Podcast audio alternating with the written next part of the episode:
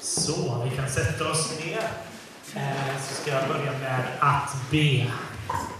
Herre, ber att du ska öppna våra hjärtan denna stund. stunden, Herre. Herre, vi ber att den här stunden få vara till din ära och till vår uppbyggelse. Herre, vi ber att alla ord som kommer från mig som inte rimmar väl med ditt ord ska bara få rinna av oss medan allt som, som rimmar väl, Herre, ska få fästa sig och eh, Eh, växa till liv, Så vi, vi ber om din välsignelse i Jesu namn. Amen. Amen. Så gott att se er denna söndag. Um, om någon säger till dig att du är en emotionell person, hur landar det i dig? Positivt? Negativt? Mittemellan? Eh, om man säger så här. Den här personen är så rationell och den här personen är så emotionell. Då tror jag vi ofta tänker att emotionell är någonting dåligt. Medan alltså rationell, det här, det här är en förståndig, rimlig människa. Så sett kan ibland att vara en emotionell människa vara något negativt. Kanske neutralt, men ofta negativt.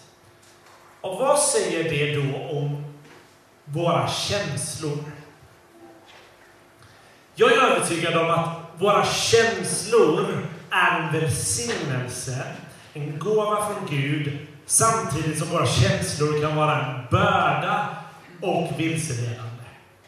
Våra känslor är komplicerade, märkliga, i alla, fall, i alla fall mina, jag tror de flesta. Och Gud har skapat oss med känslor. Känslor var del av Guds design. Men då kan man undra varför är våra känslor så konstiga? Ibland så kanske vi känner något vi inte vill.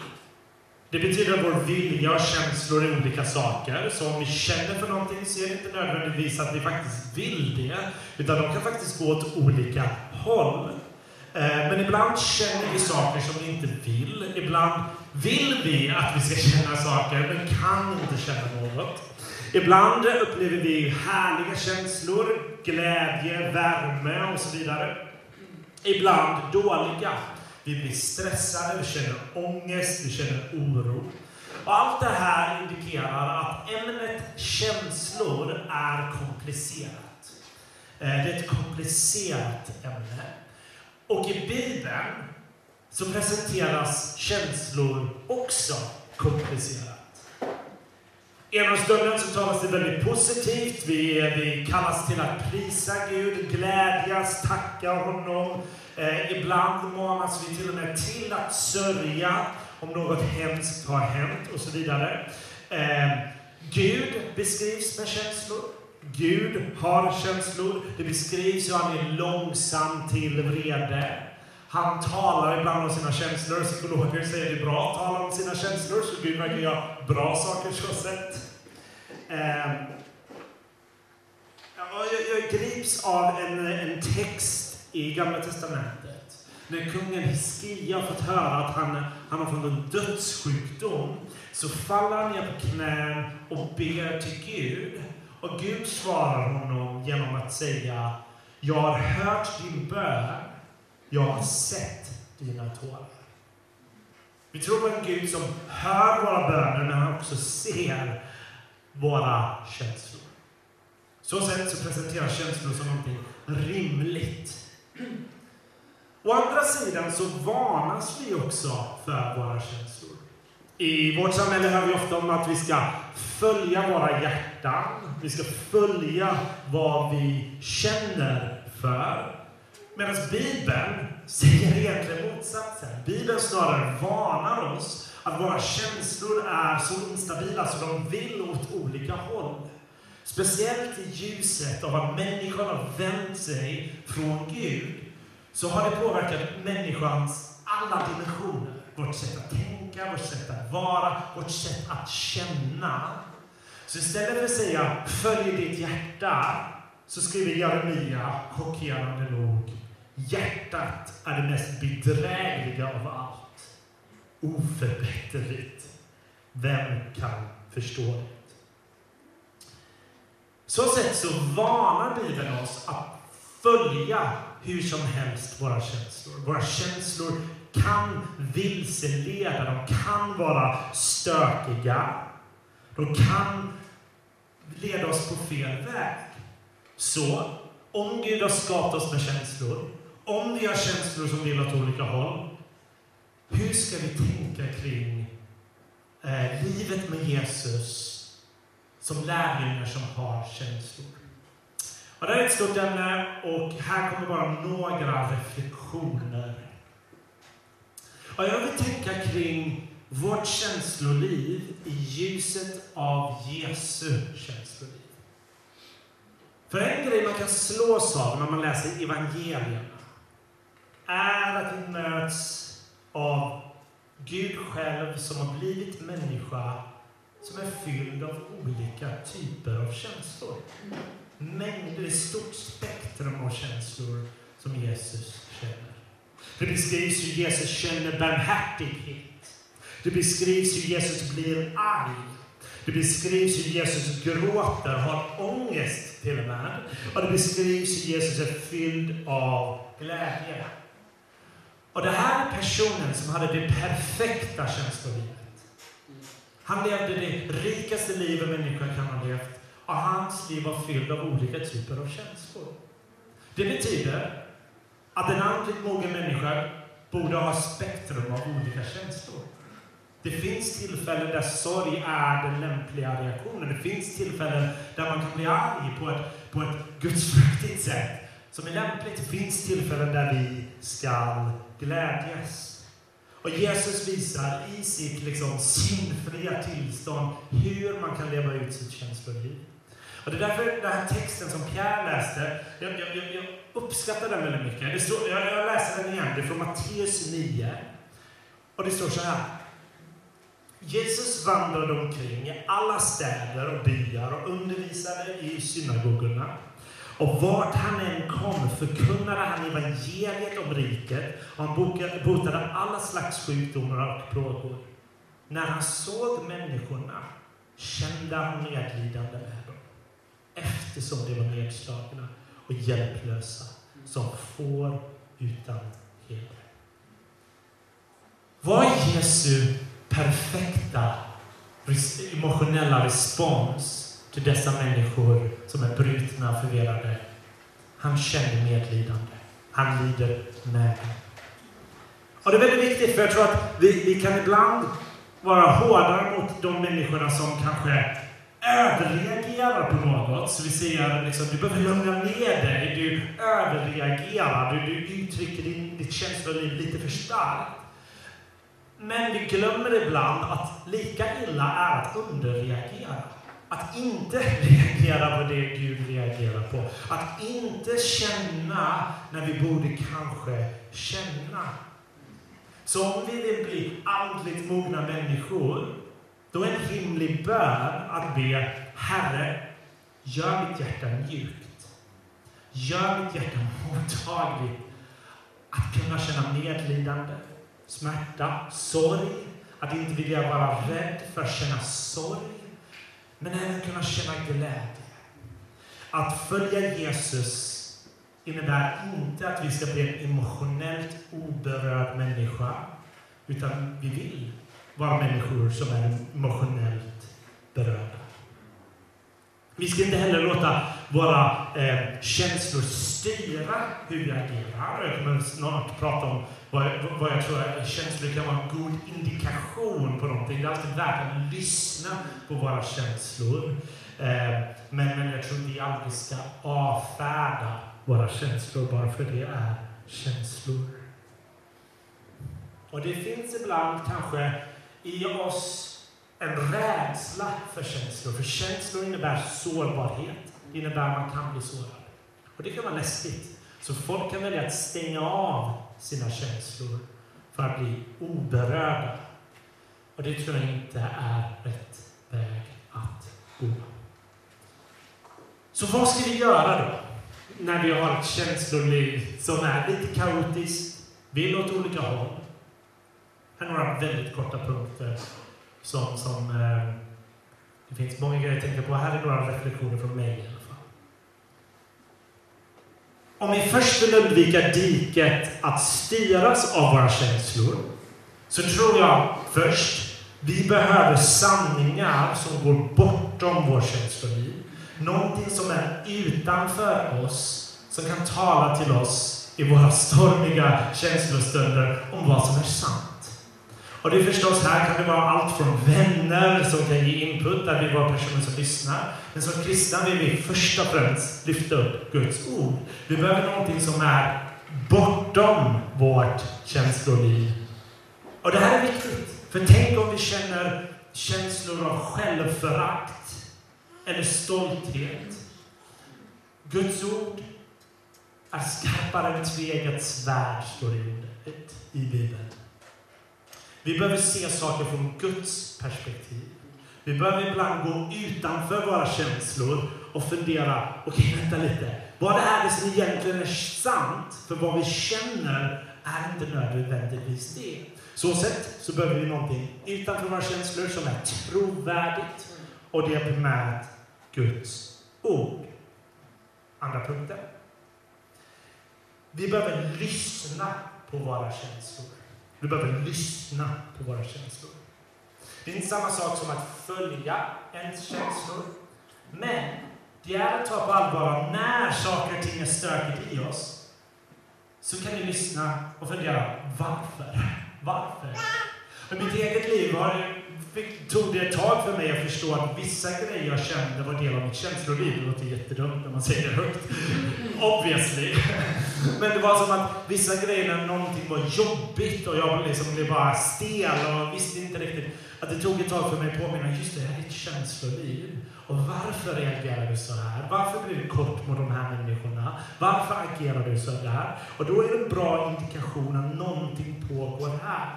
Och det kan vara värdefullt att lyssna på det eh, som pågår här. Ibland kanske det finns tillfällen där vi behöver säga nej, vi lyssnar inte på våra känslor för de, de liksom skriker någonting vi vet är fel eller någonting. Men ibland behöver vi ta tid och bara lyssna. Vad är det som pågår här? Varför reagerar jag så starkt när personen gjorde sådär eller det där och så vidare. Och därmed så kan vi identifiera våra känslor. Varför sårar vissa saker oss och så vidare. Och när vi har identifierat dem kommer vi till tredje punkten.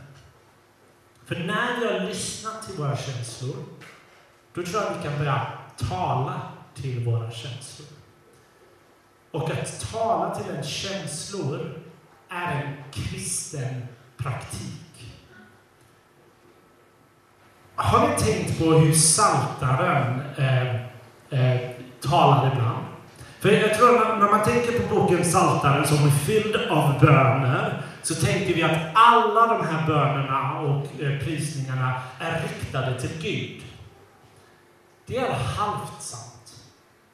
Det är faktiskt ett gäng psalmer som faktiskt inte adresserar Gud, utan något annat. Lyssna till exempel på psalm 103. Så här står det. Lova Herren min själ, hela mitt inre, prisa hans heliga namn. Lova Herren min själ och glöm inte allt gott han gör han förlåter dig alla dina synder och botar alla dina sjukdomar. Han friköper ditt liv från graven och kröner dig med nåd och barmhärtighet.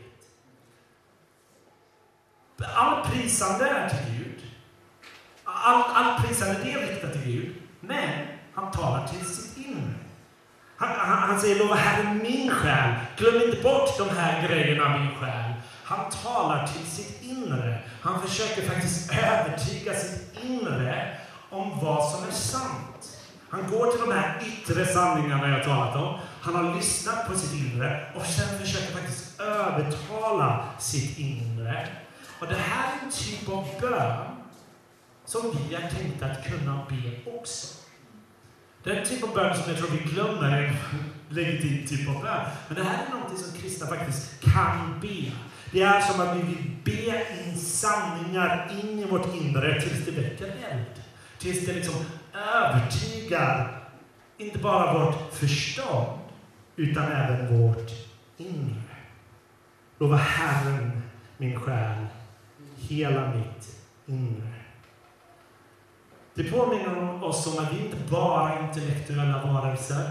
För att övertyga oss själva är inte bara argument som vi ibland behöver. Vi behöver ibland bara adressera även vårt inre, vårt känsloliv. Och där är det viktigt att påminna oss vem som är centrum av universum. Vem Gud säger att vi är. I en värld fylld av människor som kanske säger andra saker om oss. Där vi får se saker i ljuset av skaparen av universum som har skapat dig. Det bästa perspektiv du kan få in i ditt liv är han som har skapat dig. Eller ta till exempel psalm 42. Varför så bedrövad min själ? Varför så orolig i mig? Vänta på Gud, jag ska återförtacka honom min frälsning och. Så om du brottas med eh, att du är bedrövad, denna sanning är för dig, psalm 42. Det, det, är, det är liksom att den talar in sanningar in i sitt tillstånd att vara bedrövad och sen försöker tala saker i ljuset av Guds sanningar. Varför bedrövar ni själv? Varför så orolig? Vänta på Gud. Vänta på Gud. Och här tror jag det är värdefullt att minnas att vi människor, som jag sa innan, vi är mer än tänkande varelser. Vår själ behöver ibland mättas. Inte bara våra huvuden behöver mättas med information. Så ibland tänker vi att vi kristna vi behöver bara höra en predikan, vi tankar med information och så är vi förnyade på något sätt. Men, men vi människor är mer komplicerade. Så ibland tror jag vi behöver mätta våra själar, eh, vår själ med vad vi behöver. En sån sak, en grej jag tror vi till exempel glömmer, är till exempel estetik skönhet. Gud har skapat en vacker värld. Varför? Eh, han hade kunnat göra bara en funktionell grå värld. Han har gjort en vacker värld. För jag tror att vi är skapta för skönhet. Det finns en väldigt känd kristen konstnär, Makoto Fujimura. Eh, han är känd i sekulära eh, eh, sfären, men han har också eh, åkt runt och talat mycket för kristna, skrivit böcker om, om eh, hur man kan tänka kring estetik och skönhet som kristen. Och han, han beskriver en händelse när han och hans fru var fattiga, långt innan han blev en känd konstnär. Och eh, eh, de försökte liksom eh, kämpa dagligen för att ha råd med mat. Och en dag kom hans fru hem och hade köpt färska blommor. Och blev. Vadå? Vi har inte råd med blommor, vi behöver mat. Varför köper du blommor? Och hon svarade, men vår själ behöver mat också. Och det förstås kan gå i absurt. Det är klart att ens barn inte ska svälta bara för att man behöver en Picasso på väggen eller någonting så här. Det, det kan verkligen gå överstyr. Men jag tycker frågan är lite fängslande. Att vi faktiskt glömmer att vi människor faktiskt behöver ibland knockas av det som är vackert. Det som kan ge ro till vårt inre. Och det kanske är faktiskt värdefullt att värdesätta det. Och min sista punkt. När vi brottas med vårt känsloliv, låt oss aldrig glömma att vi har en som känner medlidande med oss. En av mina favorittexter i Bibeln är Hebreerbrevet 4. Där beskrivs vad Jesus gör just nu i himlen. Just denna sekund. Det beskrivs att Jesus är vår översta präst. Och vad det betyder är att Jesus är som en medlare mellan Gud och människan i himlen just nu. Han, han är ständigt vår brygga till det himmelska. Och eh, så beskriver Hebreerbrevet att han kan göra det för att Jesus är fullkomligt Gud, men också fullkomligt människa. Han har levt ett liv som människa och känt och på allt som är svårt med att vara människa, inte bara i teorin men i praktiken, så säger, står det så här i Hebreerbrevet 4, vers 15. Vi har inte en översta präst som inte kan ha medlidande med våra svagheter.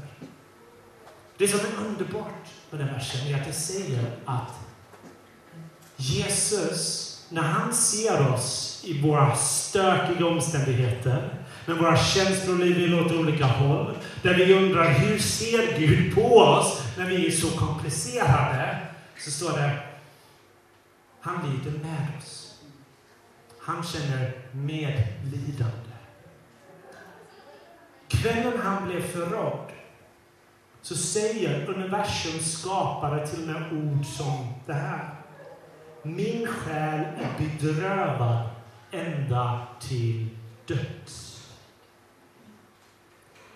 Det betyder att om du har brottats med djup depression, med mörk depression, så förstår Jesus dig ändå. Han kan fortfarande relatera. Och han lider med dig. Men han är också vägen till ljus i det mörkaste mörker. Delvis för att graven inte kunde hålla fast vid honom. Delvis för att döden inte kunde hålla fast vid honom. Han har gjort allting nytt.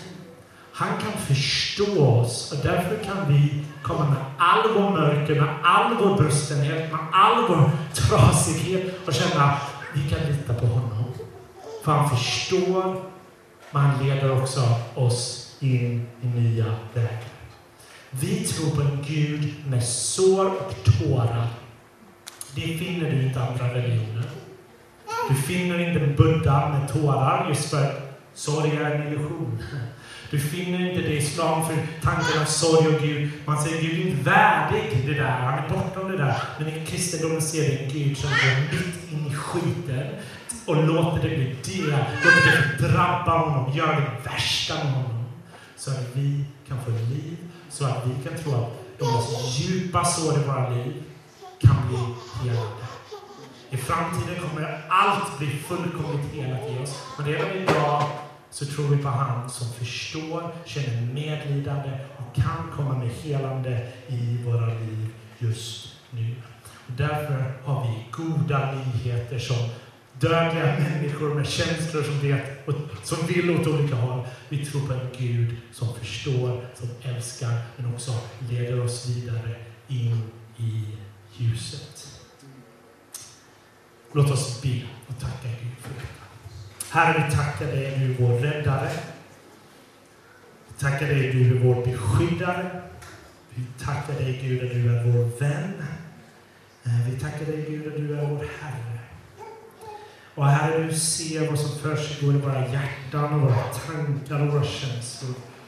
Och Herre, vi ber att du ska adressera våra känslor. Herre, tack att du inte är stor bemärkelsen att våra känslor är bortom dig. Skulle man kunna tro att om du är allsmäktig, att vad vi känner är irrelevant för dig. Men men du säger du är Guden som ser våra tårar. Du har inte, du har, du har inte gått miste om det, utan du har älskat oss och även gråtit tårar för oss. Herre, vi tackar dig, du är god. Herre. Tackar dig att vi kan lita på dig när vårt värsta. Och vi tackar dig, Herre, när vi gör det så gör du allting nytt. Herre mm. Yes. Amen.